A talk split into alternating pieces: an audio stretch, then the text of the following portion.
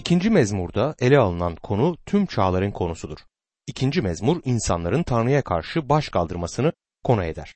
Mezmurların göze batan bir özelliğini belirtmek istersek tüm mezmurların sistemli şekilde düzenlendiğine işaret etmeliyiz. Birinci mezmur kusursuz ve mutlu insanın durumunu, konumunu ve ihtiyacını dile getirir. Birinci mezmur İsa Mesih'in bir resmini bizlere verir. Birinci mezmurda kutsanmış adama karşın ikinci mezmurda baş kaldıran kişiyi görürüz. Mezmurlar kitabında bu bölüme bir açıdan başlangıç yani tekvin ya da yaratılış bölümü diyebiliriz. Yaratılış kitabı ile mezmurların bu ilk kesimi arasında çarpıcı bir benzerlik görülmektedir. Yaratılış kitabına baktığımız zaman görüyoruz ki insanlık tarihi Aden bahçesinde mutluluk içinde yaşayan mutlu insan ile başlar. Ancak bu mutluluk çok uzun sürmez ve kısa bir süre sonra insanlık Tanrı'ya isyan ederek ondan kaçıp saklanan insan durumuna gelir. İnsan artık Rabbi aramıyor. Rab ile bağlantı kuramayacak duruma gelmiştir. Şimdi ikinci mezmurda insanlığın bir başka yüzüyle karşılaşmaktayız. İkinci mezmur belki de bir televizyon programındaki senaryo gibi bölümlere ayrılabilir.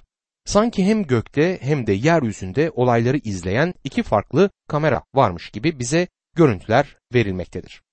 Bir açıdan insanın aya ilk kez ayak basışını izleyen kameralar gibi bir an gökte ay üzerindeki olayları az sonra yeryüzünde kontrol odasında neler gelişmekte olduğunu bize verir.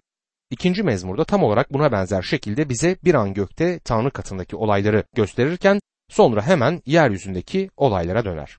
İkinci mezmurda Rabbin ruhu sanki iki kamera kullanıyormuş gibi bize olayları, görüşleri ve tavırları aktarmaktadır.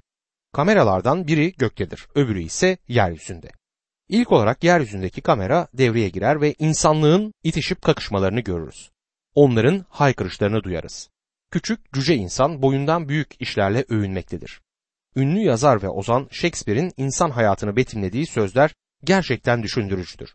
Shakespeare bir tiyatro oyununda kendisine düşen rolün gerektirdiği şekilde kendi rolünü oynayıp sahneden çıkan insandan söz eder.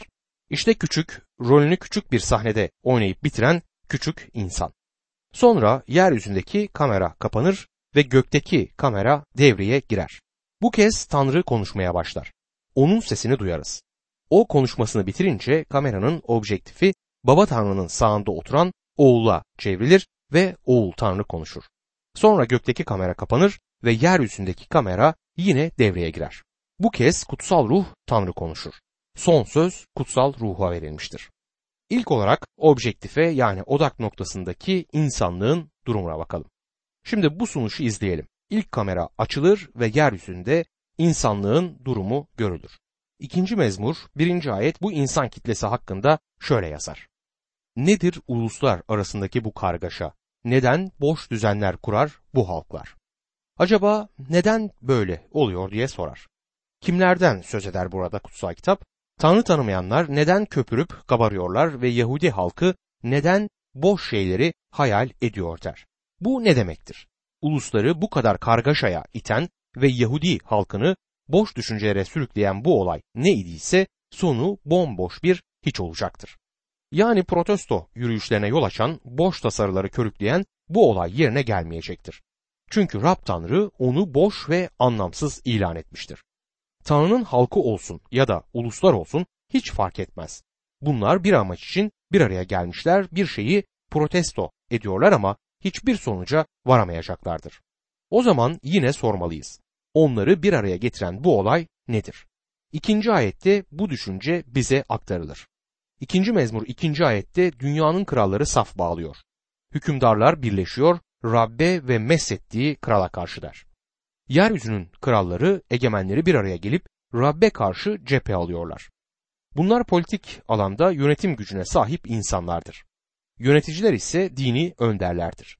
Bunlar bir araya gelirler ve aralarında konuşup görüşürler. Bu protesto olayında sadece insan kitleleri bir araya gelip seslerini yükseltmekle kalmıyorlar. Onlarla birlikte yönetimin üyeleri, ulusların önde gelenleri de bu protestoya katılmaktadırlar. Peki protesto ettikleri şey nedir? Bu insanlar kime karşı çıkmaktadır? Rabbe karşı yani mesedilmiş olana karşı çıkarlar. Burada mesedilmiş olan sözü ve Mesih aynı anlamdadır. İbranice'de kullanılan sözcük bu anlamı ifade etmektedir. Bu insanlar Mesih'e karşı isyan ederler. Yeni Antlaşma bölümünde mesedilmiş olan sözcüğü eski Grekçe'de Hristos sözcüğüyle eş anlamlıdır. Dilimizde buna Mesih deriz. Din çerçevesi içinde belki de en çok kafa yorulan ve insanda inanmazlık engellerini oluşturan olay İsa Mesih'in ezelden Tanrı özünde bulunurken belli bir zamanda dünyaya gelip insan bedeninde yaşamasıdır. İsa Mesih Tanrı'nın sözüdür. Tanrı sözü elbette Tanrı gibi ezeli ve sonsuzdur. Tanrı'yı kendi sözünden hiçbir zaman ayıramazsınız. Kutsal söz Mesih'in bedende dünyamıza gelen Tanrı özünden oluşunu açıklayıp 1. Titus 3. bölüm 16. ayette şöyle der. Kuşkusuz Tanrı yolunun sırrı büyüktür. O bedende göründü. Ruhça doğrulandı. Meleklerce görüldü. Uluslara tanıtıldı. Dünyada ona iman edildi. Yücelik içinde yukarı alındı. Bu hareket ne zaman başladı? Kutsal yazıları araştıracak olursak orada bu sorunun yanıtını bulabiliriz. Elçilerin İşleri kitabının dördüncü bölümünde bir olay aktarılmaktadır. Bu olayda Mesih imanlarına karşı başlatılan ilk baskı yer almaktadır. Bu ilk baskı karşısında elçi Petrus, Yuhanna ve diğer elçiler seslerini yükseltip Rabbe dua ettiler ve bu tavır karşısında Rabbi yücelttiler. Elçilerin İşleri 4. bölüm 24. ayette arkadaşları bunu duyunca hep birlikte Tanrı'ya şöyle seslendiler. Ey Efendimiz! Yeri, göğü, denizi ve onların içindekilerin tümünü yaratan sensin. Rabbin Tanrı olduğunu ve aynı zamanda Tanrı'nın Rab olduğunu kendi hayatımızda, günlük yaşamımızda uygulamalıyız. Rab sen Tanrısın bildirisi bugün kilise topluluklarında sözden öteye gitmez. Sadece sözde kalıyor. Birçoklarının yaşam tarzına bakarsak onların bu gerçekten habersiz yaşamakta olduklarını açıkça görebiliriz. Birçok kişi düşüncelerinde bile Rabbin Tanrı olduğundan emin değiller. Buna şaşırıyorlar. İlk inanlar topluluğunda bu konuda herhangi bir soru ya da sorun yoktu. Kutsal kitap şöyle yazar. Onlar bunu duyunca hep birlikte seslerini yükselterek Tanrı'ya dua ettiler. Ey egemen Rab! Göğü, yeri, denizi ve onlarda bulunan her şeyi yaratan sensin. Kutsal ruh aracılığıyla bizim atamız ve senin kulun Davut'un ağzından bildirdin. Uluslar neden kaynaştı? Halk toplulukları neden boş tasarılar ardına düştü? Görüldüğü gibi ikinci mezmunun sözleriyle dua ederler. Elçilerin İşleri 4. bölüm 26. ayette dünyanın kralları saf bağladı, hükümdarlar birleşti, Rabbe ve Mesih'ine karşı diyor. Şimdi kutsal ruhun yorumunu dinleyelim. Elçilerin İşleri 4. bölüm 27 ve 28. ayetlerde gerçekten de Herodes ile Pontius Pilatus bu kentte İsrail halkı ve öteki uluslarla birlikte senin meslettiğin kutsal kulun İsa'ya karşı bir araya geldiler. Senin kendi gücün ve isteğinle önceden kararlaştırdığın her şeyi gerçekleştirdiler diyor. Elçilerin bu sözleriyle ikinci mezmurun sözleri tekrarlanmaktadır. Yeryüzünün kralları sıralandı. Rabbe ve onun Mesihine karşı. Başkanların tümü bir araya toplandılar. Pilatus ile Yahudilerin amaçları Rab Tanrı'nın yeryüzünde en önemli işi yapması için atadığı, meshetmiş olduğu İsa Mesih'i çarmıha gelmek, onu öldürmekti. İlk yüzyılın imanlarına karşı başlatılan baskı altında Mesih'e karşı başlatılan baskının bir devamını görüyoruz. Ve günümüze dek Mesih'in kilisesi bu baskı altında kalmıştır. Yüzyıllar boyunca bu baskı dağ başında kopan bir çığ gibi hız almakta ve büyümektedir. Son günlerde Rabbin kilisesine yapılacak olan baskılar kutsal yazılarda belirtilmektedir. Biri bana gerçekten dünyanın bu yöne gideceğine inanıyor musun diye sorarsa ona evet buna inanıyorum derim. Başka birisi bana dünyanın durumunun gelişeceğine inanıyor musun diye sorarsa ona da evet buna da inanıyorum derim. Bunu duyan kişi hayret eder. Bunların ikisi de aynı zamanda nasıl doğru olabilir diye sorar. Bunun yanıtını Rab İsa'nın kendisi delice benzetmesinde Matta 13. bölüm 24 ila 30. ayetlerde şöyle verir. İsa onlara başka bir benzetme anlattı. Göklerin egemenliği tarlasına iyi tohum eken adama benzer dedi. Herkes uyurken adamın düşmanı geldi. Buğdayın arasına delice ekip gitti. Ekin gelişip başak salınca deliceler de göründü. Mal sahibinin köleleri gelip ona şöyle dediler. Efendimiz sen tarlana iyi tohum ekmedin mi? Bu deliceler nereden çıktı? Mal sahibi bunu bir düşman yapmıştır dedi. Gidip delicileri toplamamızı ister misin diye sordu köleler. Hayır dedi adam. Delicileri toplarken belki buğdayı da sökersiniz. Bırakın biçim vaktine dek birlikte büyüsünler. Biçim vakti orakçılara önce delicileri toplayın diyeceğim. Yakmak için demet yapın. Buğdayı ise toplayıp ambarıma koyun. Rabbin hizmetine başladığım ilk zamanlarda bunu yapmak istiyordum. Zor durumlarda gördüm ki benim görevim delicileri sökmek, çıkartmak, ayırmak değil. Bu yüzden başkasındaki hataları düzeltmeyi bıraktım. Kendime dikkat etmek bana yeter. Yani benim görevim Rabbin ilkelerinde yürümektir ve buna dikkat etmem gerekir. Vakti gelince Rabbin kendisi delicelerin ayrılmasını, ateşe atılıp yakılmasını buyuracaktır. Rabbin insan yaşamına ektiği iyi tohumun ürünü büyürken düşmanın ektiği delicelerde büyüyecektir. Her ikisi de bir arada büyüyecektir. Deliceleri iyi üründen ayıracak olan Rabbin kendisidir. Zamanı gelince bunu yapacaktır kardeşim. Günümüzde Rabbin sözü birçok kanal aracılığıyla insanlara duyurulmaktadır. Buğday büyümekte ama deliceler de buğdaylarla birlikte büyümektedir. İyilik alanının genişlediği oranın üstünde kötülük alanı çok daha hızlı büyümektedir. Bugün Tanrı'ya ve onun Mesih'ine karşı bir direniş sürüp gitmektedir. Bu şaşırtıcı bir direniştir. Nuh'un günlerine bakarsak o zaman insanların günahı gerçekten korkunç boyutlara erişmişti ama o dönemde bile ateizm diye bir şey yoktu. Nuh ateizme karşı vaaz etmedi. İnsanların günahlarından dönmeleri için onlara Rabbin müjdesini duyurdu ama insanlar Rab Tanrı'yı tanıdıkları halde tövbe etmediler. Hatta Nuh gemiyi yaparken aldırmadılar bile. Tufan kopmadan önce Rabbin sözüne iman edenler gemiye binip kurtulabilirlerdi ama bunu yapmadılar. Sonra Rabbin yargısı geldi. Musa'nın günlerine bakarsak o günlerde de ateizm diye bir şey yoktu. İnsanlar tek tanrıya tapacakları yerde birçok ilaha ve putlara tapıyorlardı. Bu nedenle Rab Musa'ya on buyruğu verirken Mısır'dan çıkış 20. bölüm 3 ve 4. ayetlerde benden başka tanrın olmayacak.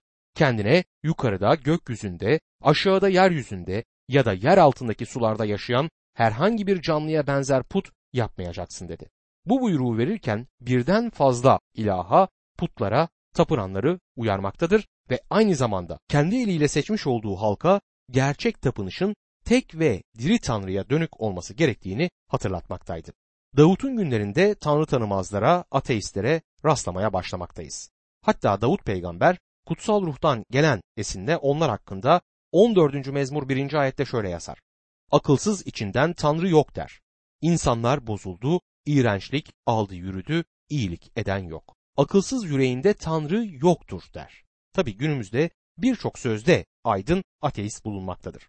Birinin üniversite diploması hatta doktorası olabilir ama yüreğinde Tanrı yoktur derse Tanrı'nın hesap defterinde o kişi akılsızdır. Soylu bir akılsız bile olabilir. Tanrı sözüne göre birisi yüreğinde Tanrı yoktur derse akılsızdır. Bunu ben söylemiyorum dostum. Tanrı'nın kendisi sözünde böyle söylüyor. Dostum bugün liberallerin vaaz ettiği İsa kutsal kitabın anlattığı ve bizim vaaz ettiğimiz İsa değildir. Dünyada bu liberallerin vaaz ettiği İsa'ya karşı bir isyan olmazken gerçek İsa'ya karşı isyan vardır.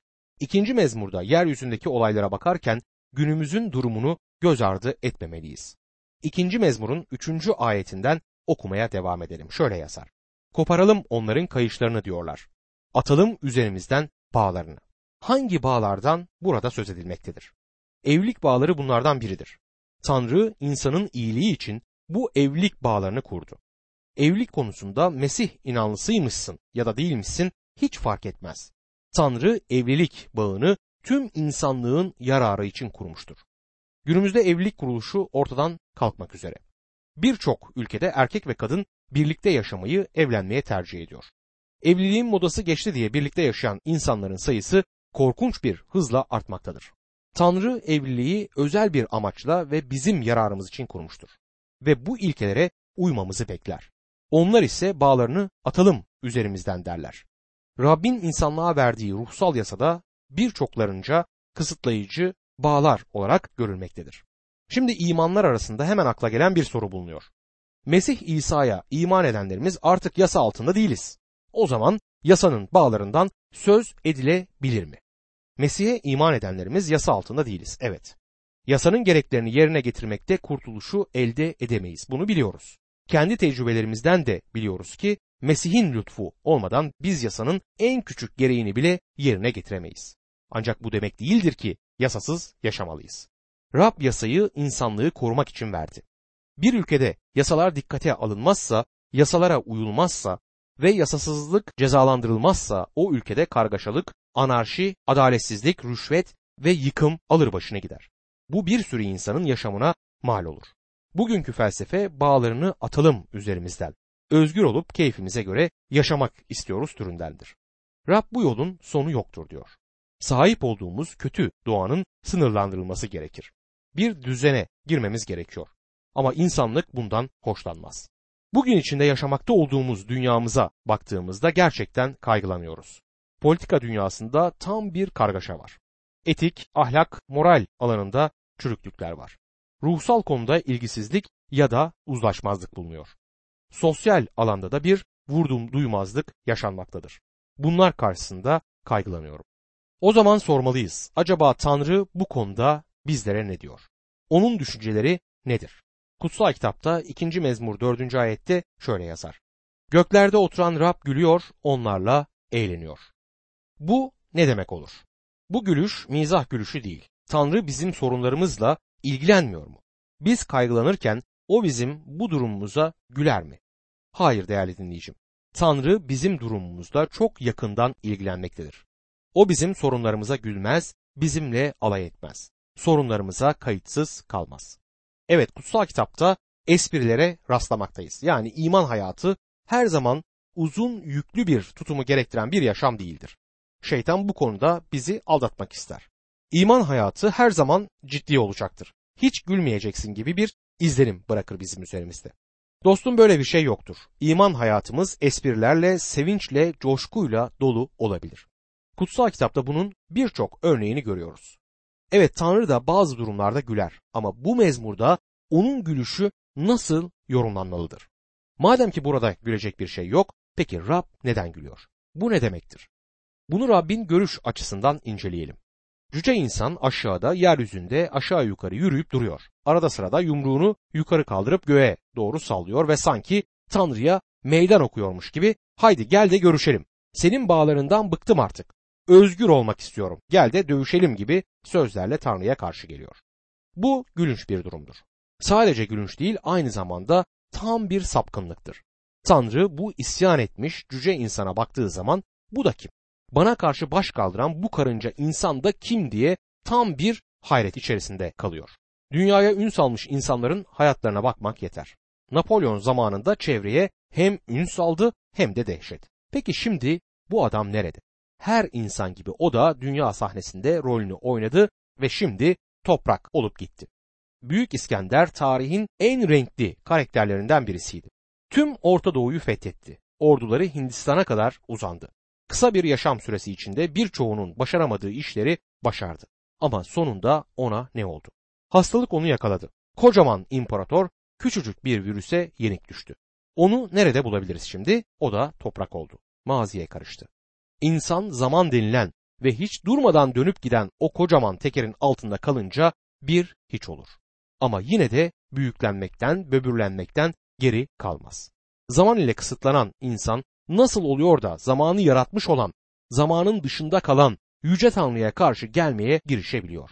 Akla mantığa sığmayan bir şey ama yine de bu gerçekleşiyor. Ama bu oldukça gülünçtür. Mezmurun 5. ayeti şöyle der. Sonra öfkeyle uyarıyor onları. Gazabıyla dehşete düşürüyor. Bu ayet dünya üzerine gelecek olan göksel yargıdan söz eder. Peki ama insanın Tanrı'ya karşı takındığı isyankar tavır Rabbin tasarısını etkileyebilir mi? Hayır. Rabbin tasarıları insan eylemiyle etkilenemez. Etkilenebilseydi o zaman Tanrı tanrılığını yitirmiş olurdu. Her güce sahip olan Tanrı insanın bağırışıyla, protestolarıyla, girişimleriyle asla kısıtlanamaz. O her şeye kadirdir. Yeryüzündeki cüce insan kendi gözünde istediği kadar büyük olsun. İstediği kadar yersel güce sahip olsun. Yine de Rabbin amacının ne önüne geçebilir ne de o amaca yeni bir yön verebilir.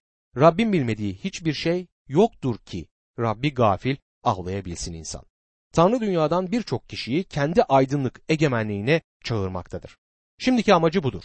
Lütuf çağında yaşamaktayız. Rabbin lütfu sayesinde birçok insan günahlarına bağış buluyor ve sonsuz yargıdan kurtulup sonsuz yaşama kavuşuyor. Rabbin başka bir amacı daha vardır. 6. ayette bu amacın ne olduğunu anlamaya başlıyoruz.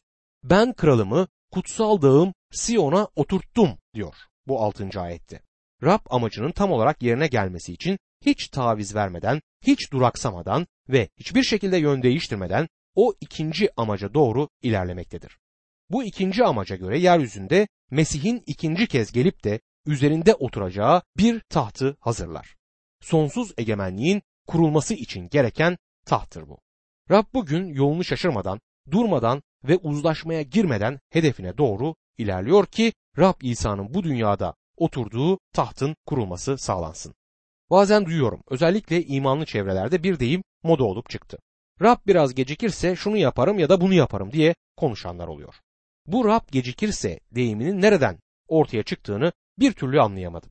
Hiçbir şey gecikmez. Tam vaktinde. Benim vaktim değil. Onun vaktinde Rab gelecektir. Her işi saniyesi saniyesine tam bir dakiklikle yapar. Hiçbir şey onu durduramaz, planını değiştiremez. Şimdi 7. ayete gelirken bu bölümün başında sözünü ettiğim o hayali kameranın objektifi oğula çevrilir. Az önce baba tanrı konuşuyordu ve objektif ona çevrilmişti. Ve şimdi oğula çevrilir. Bugün Rabbin fermanını ilan edeceğim diyor oğul. Sevgili dostum, kutsal kitapta Mesih İsa'nın karakterini ve ona verilen yetkiyi çalışanlarımız bilmeli ki Rabbin fermanlarını yerine getiren, onları icra eden sonsuz oğul İsa'dır. 7. ayet şöyle diyor. Rabbin bildirisini ilan edeceğim. Bana sen benim oğlumsun dedi. Bugün ben sana baba oldum. Biliyor musunuz bu ayet Yahova şahitlerince en çok kullanılan ayetlerden biridir. Yahova şahitleri bu ayeti kullanarak Mesih'in sonsuz olmadığını ve yaratılmış olduğunu ileri sürmektedirler. Keşke sadece bu ayeti okumakla yetinmeselerdi. Bu ayetten sonraki ayetleri de okusalardı. Tam olarak gerçeği kavramış olurlardı. Bu ayet ile Rab İsa Mesih'in doğumu arasında hiçbir bağlantı yoktur. Yeni Antlaşma bölümünde anlatılan doğuş yani İsa'nın bebek olarak dünyaya gelişi bu ayetle bağlantılı değildir. Keşke Yahova şahitleri Rabbin kutsal ruhuna izin verselerdi de yüreklerinde gerçeğin ışığı onları aydınlatabilseydi. Elçi Paulus Anadolu'daki müjde gezisinde Pisitya Antakya'sına geldiğinde orada Mesih'i vaaz ederken bu mezmurdan bazı sözleri onlara aktardı ve bu ayetin sözlerini kullandı. Elçi Paulus'un en etkin vaazlarından birisi bu vaazdır. Paulus bu vaazında Mesih'in dirilişinden söz ediyordu. Elçilerin işlerinin 13. bölümünde 32 ve 33. ayetlerde şöyle yazar. Biz de size müjdeyi duyuruyoruz. Tanrı İsa'yı diriltmekle atalarımıza verdiği sözü onların çocukları olan bizler için yerine getirmiştir. İkinci mezmurda yazıldığı gibi sen benim oğlumsun bugün ben sana baba oldum. Elçi Paulus bu sözleri aktarırken tam bir referans verip ikinci mezmurdan söz eder.